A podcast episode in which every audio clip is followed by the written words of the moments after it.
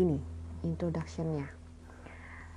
Behavioral assessment atau asesmen behavioral itu adalah salah satu di antara berbagai macam tradisi asesmen, seperti misalnya testing proyektif, asesmen neuropsikologis, dan testing objektif. Asesmen behavioral itu berbeda karena merupakan seperangkat teknik yang spesifik dan sebuah cara pemikiran tentang gangguan perilaku dan bagaimana perilaku ini dapat diubah. Nah, salah satu asumsi intinya adalah perilaku dapat dipahami secara paling efektif dengan memfokuskan pada peristiwa-peristiwa sebelumnya dan konsekuensi yang diakibatkannya. Gitu ya. Jadi dari asumsi inti ini muncul sejumlah metode asesmen yang sangat beragam gitu seperti behavioral interviewing, lalu beberapa strategi behavioral observation, measurement of relevant cognition, psychophysiological assessment dan beragam self-report inventories.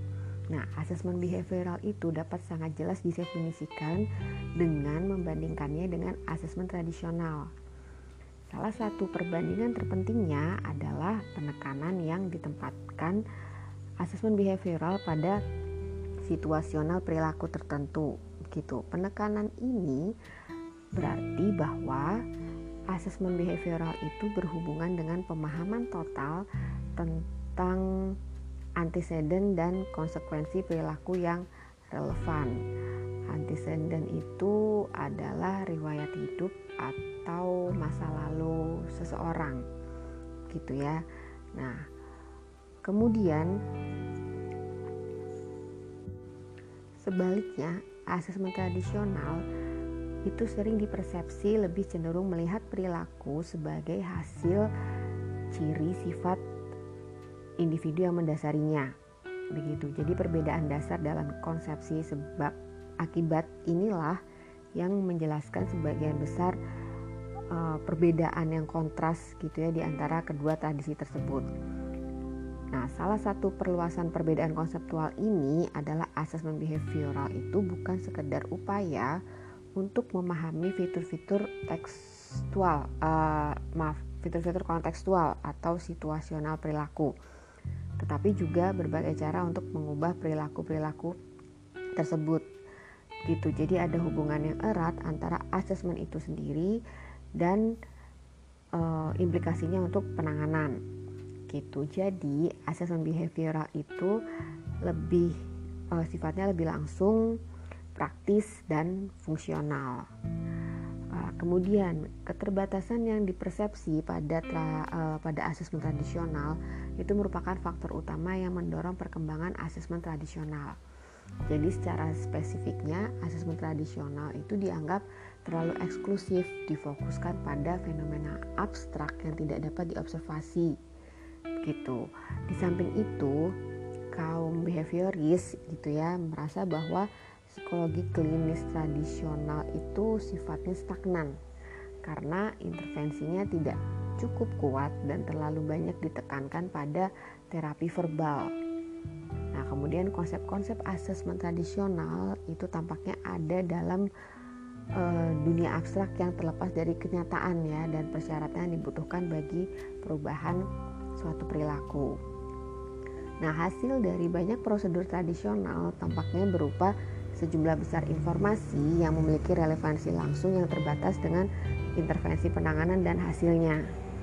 Nah, akan tetapi pandangan yang stereotip ya dan sedikit uh, terpolarisasi begitu terhadap asesmen tradisional dan juga asesmen behavior gitu mengingat sudah ada tekanan yang cukup besar dan semakin meningkat pada implikasi penanganan dan konteks situasional informasi yang diperoleh dari metode-metode asesmen tradisional. Nah, pandangan stereotip ini lebih dimaksudkan untuk mm, menyoroti perbedaan di antara kedua strategi tersebut daripada untuk menangkap kompleksitasnya dan persamaan di antara keduanya. Nah, itu tadi perbedaan asesmen behavioral dan asesmen tradisional.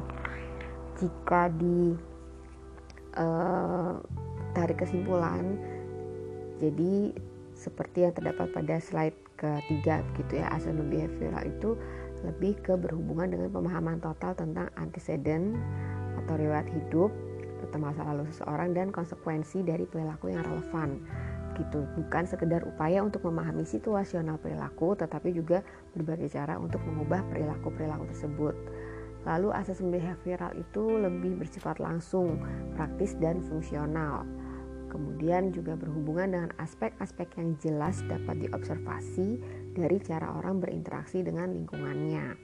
Jelas ya kalau ini ya Lalu kemudian asesmen tradisional itu adalah sering dipersepsi lebih cenderung melihat perilaku sebagai hasil ciri dan sifat abadi yang mendasarinya dianggap terlalu eksklusif difokuskan pada fenomena abstrak yang tidak dapat diobservasi yang jauh dari dunia aktual klien gitu dan juga bersifat stagnan karena intervensinya tidak cukup kuat dan terlalu banyak ditekankan pada terapi verbal.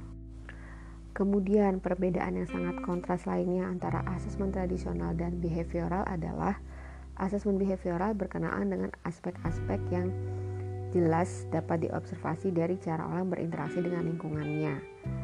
Gitu ya, ini uh, seperti sebuah asesmen behavioral tipikal mungkin mencakup dari ukuran perilaku tertentu, terbuka atau tertutup, terus antecedent atau sebabnya internal atau eksternal, kemudian kondisi-kondisi seputar perilakunya dan konsekuensi atau akibatnya. Nah, eh, pengetahuan ini kemudian dapat digunakan untuk menetapkan metode pengubah perilaku yang relevan. Meskipun sebagian asesor behavioral itu mungkin mempertimbangkan beberapa ciri sifat kepribadian yang terpilih gitu ya. Tetapi beberapa ciri sifat ini hanya akan dianggap relevan jika mempunyai uh, dampak langsungnya untuk terapi gitu. Contohnya gaya kepribadi uh, sorry gaya ke gaya kepribadian tertentu itu berinteraksi dengan derajat dan tipe kognisi depresif misalkan dan keberadaan gangguan kepribadian biasanya memprediksi hasil-hasil terapeutiknya. Jadi fokus pada orang dan situasi uniknya ini sangat berbeda dengan model-model ciri sifat psikodinamika, biokimiawi, genetik atau normatif. Nah, kemudian pendekatan behavioral itu menekankan bahwa gangguan-gangguan perilaku yang berbeda biasanya diekspresikan dalam berbagai cara. Gitu ya, hal ini bisa mencakup perilaku terbuka, kognisi, perubahan dalam keadaan psikologis, dan pola ekspresi verbalnya. Nah, pendekatan ini menyiratkan bahwa strategi asesmen yang berbeda seharusnya digunakan untuk masing-masing cara. Gitu. Contoh, eh, kecemasan untuk seseorang mungkin disebabkan dan dipertahankan terutama oleh kognisinya dan hanya sedikit oleh keterampilan sosialnya yang buruk. Orang lain mungkin hanya memiliki sifat kognisi yang berhubungan dengan kecemasan, tetapi banyak yang mengalami kecemasan akibat keterampilan sosial yang kurang pas, yang kurang baik begitu ya, yang uh, yang dia tidak bisa beradaptasi dengan baik gitu. Nah, mm, hal ini mungkin bisa ditangani dengan sangat, sangat efektif melalui latihan keterampilan sosial dan hanya sedikit sekali terbantu melalui pendekatan-pendekatan yang mengubah pikiran-pikiran yang tidak rasional. Jadi perlu juga dicatat bahwa mengubah perilaku seseorang di salah satu cara kemungkinan akan mengubah cara-cara yang lain sehingga efek ini harus dipertimbangkan. Gitu. Meskipun informasi yang dikemukakan uh, yang tadi dikemukakan menyuguhkan perbedaan yang kurang fleksibel gitu ya dan stereotip uh, stereotip antara asesmen tradisional tradisional dan asesmen behavioral, tapi kebanyakan klinis yang berpraktik termasuk mereka yang mengidentifikasikan diri sebagai terapis perilaku itu biasanya mengombinasikan dan mengadopsi teknik-teknik dari kedua tradisi tersebut. Nah, pengombinasian kedua tradisi tersebut itu konsisten dengan temuan bahwa antara 80 uh, sorry antara 50% sampai 80% klinisi yang mendeskripsikan bahwa dirinya berorientasi behavioral itu melaporkan bahwa mereka menggunakan tes-tes kepribadian terstruktur gitu. Nah, kemudian asumsi dan perspektif asesmen behavioral itu telah melahirkan sejumlah pendekatan yang sangat beragam dan dengan teknik yang bahkan lebih luas lagi. Nah, pendekatan dan teknik yang terkait dengan uh, dapat diorganisasikan menjadi bidang wawancara behavioral, kemudian observasi behavioral, asesmen kognitif behavioral, asesmen psikofisiologis dan inventory self report atau laporan diri gitu ya. Jadi masing-masing bidang dikembangkan dalam konteks yang lebih luas dan mencakup beberapa uh, perkembangannya gitu. Nah, kemudian kita berbicara mengenai sejarah dan perkembangan gitu. Penggunaan formal paling awal dari asesmen behavioral itu sebetulnya terjadi dalam lingkup industri dan organisasi. Tetapi asesmen behavioral tidak menjadi populer dalam konteks klinis sampai akhir tahun 60-an begitu ya. Hal tersebut mungkin karena pengaruh kuat dari pendekatan-pendekatan psikodinamik di kalangan klinisi yang diajari untuk lebih ke melihat apa yang ada di bawah permukaan untuk melihat permasalahan-permasalahan yang ada di bawah permukaan untuk memahami penyebab sejatinya perilaku tertentu gitu. Jadi definisi-definisi awal asesmen behavioral itu dibuat sebagian dengan membandingkan dengan pendekatan-pendekatan psikodinamik tradisional. Nah, masing-masing itu mempunyai maksud misalkan identifikasi versus klasifikasi perilaku-perilaku bermasalah asumsi itu perilaku disebabkan oleh situasi versus ciri sifat yang relatif permanen dan aplikasi observasi langsung versus inferensi tidak langsung. Gitu.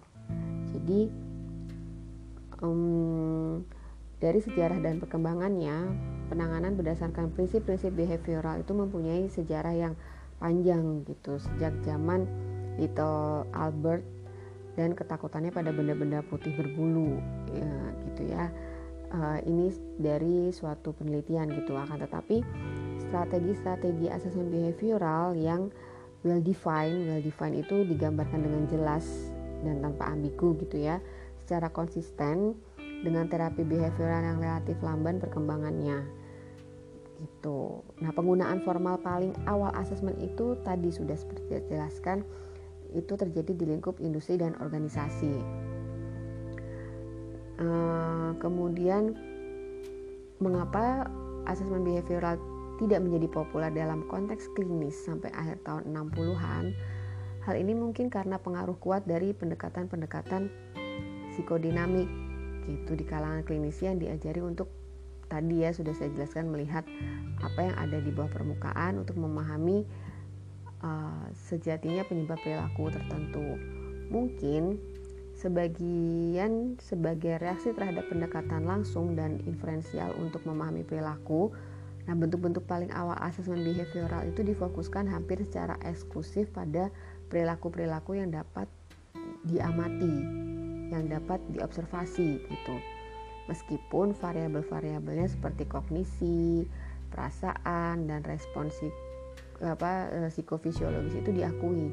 Mereka tidak dianggap sebagai pengaruh yang penting pada perilaku dan akibatnya tidak ditekankan dalam asesmen maupun penanganan gitu. Nah um, jadi daripada uh, alih-alih asesmen behavioral konsisten dengan paradigma operant conditioning gitu ya.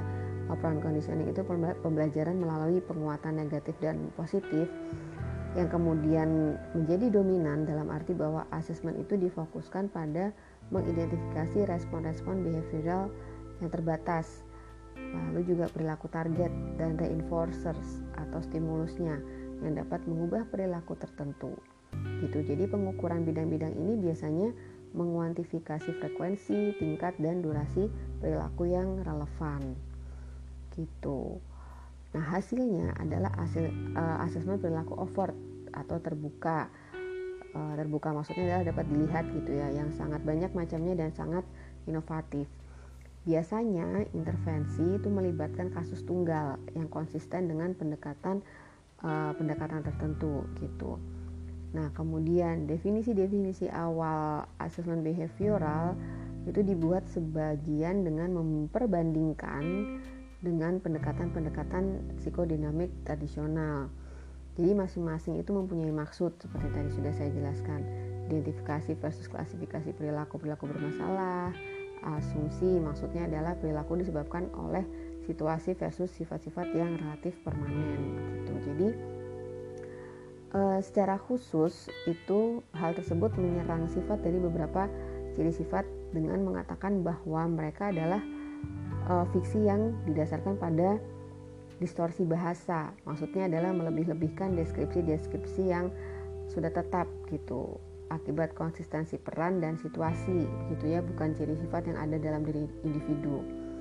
Nah, uh, bias perseptualnya berdasarkan kebutuhan predictability gitu dan jarang adanya diskonformasi ketika beberapa ciri sifat itu keliru itu nah serangan ini menurut kontroversi berkepanjangan gitu ya yang relevan dengan asesmen behavioral dalam arti bahwa e, perspektif ini itu digunakan untuk mengusulkan fokus pada e, situasional perilaku gitu.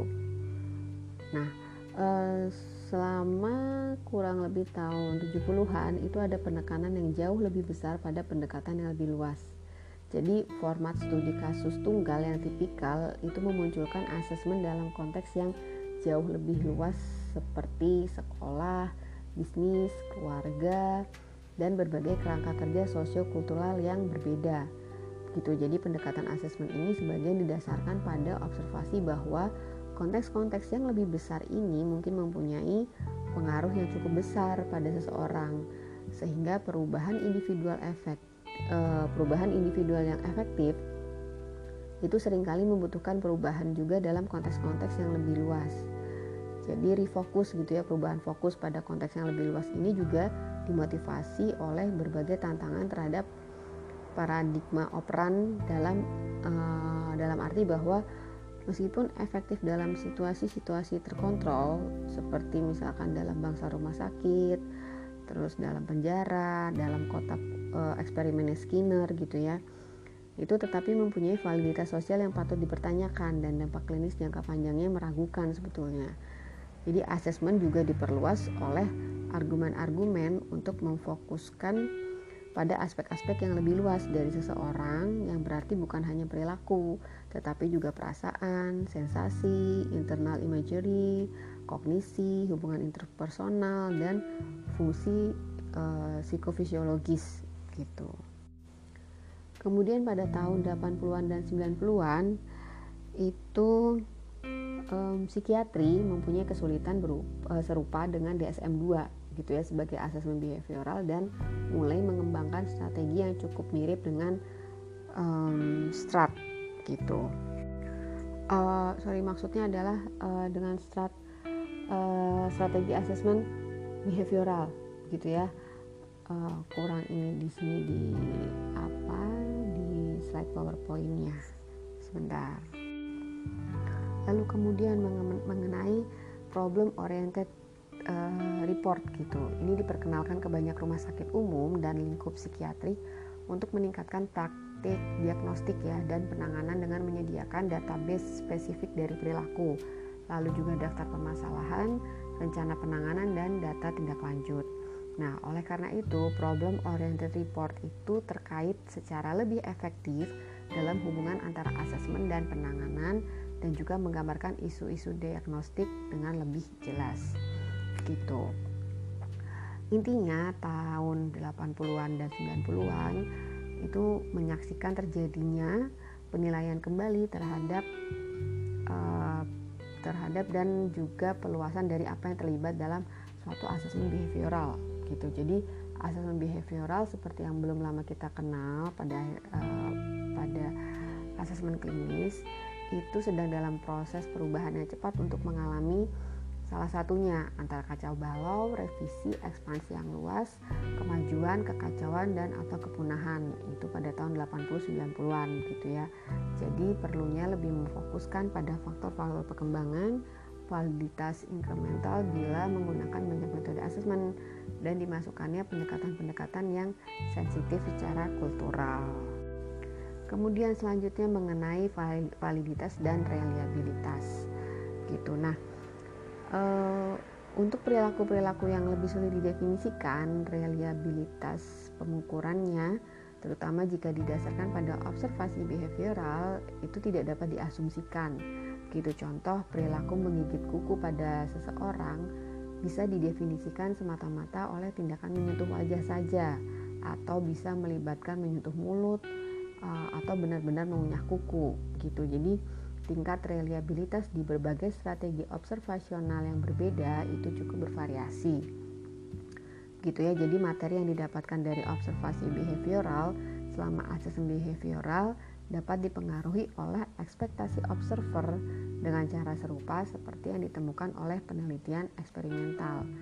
Gitu jadi tidak dapat diasumsikan bahwa reliabilitas yang ditemukan dalam situasi klinis akan setinggi yang ditemukan dalam situa uh, sorry dalam studi-studi terkontrol yang evaluatornya sendiri dievaluasi gitu.